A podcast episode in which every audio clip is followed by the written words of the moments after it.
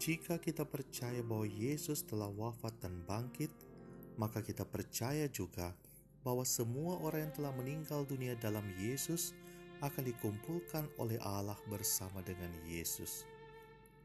Surat pertama Rasul Paulus kepada jemaat di Tesalonika pasal 4 ayat 14.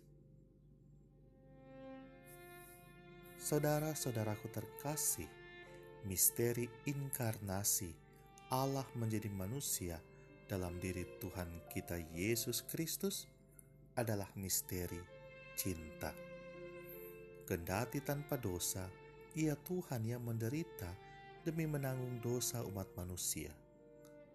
Apa yang membuatnya sanggup menanggung dan menjadikan dirinya sebagai kurban pelunas dosa umat manusia? Itulah cinta.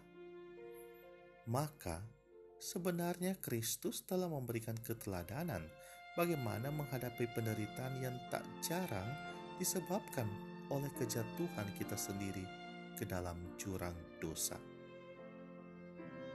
Dosa adalah akar segala penderitaan umat manusia, termasuk pandemi ini. Satu-satunya obat ilahi melawan segala dosa adalah persatuan cinta kita dengan Allah. Yesuslah kegenapan janji Bapa Dialah tabib yang ajaib untuk menyembuhkan kemanusiaan kita yang luka parah akibat dosa. Di dalam Dia, kita menemukan bahwa kematian bukanlah akhirnya segala-galanya. Di dalam Dia ada kehidupan. Itulah sebabnya bacaan Injil hari ini adalah seruan cinta bagi kita semua. Hai kamu yang telah meninggalkan jalan Tuhan, kembalilah Hai kamu yang telah jauh, mendekatlah. Hai kamu yang sudah dekat, persatukanlah hatimu dengan hati Tuhan dalam kuasa cinta. Pandemi ini menebar racun kekhawatiran, ketakutan, dan kematian.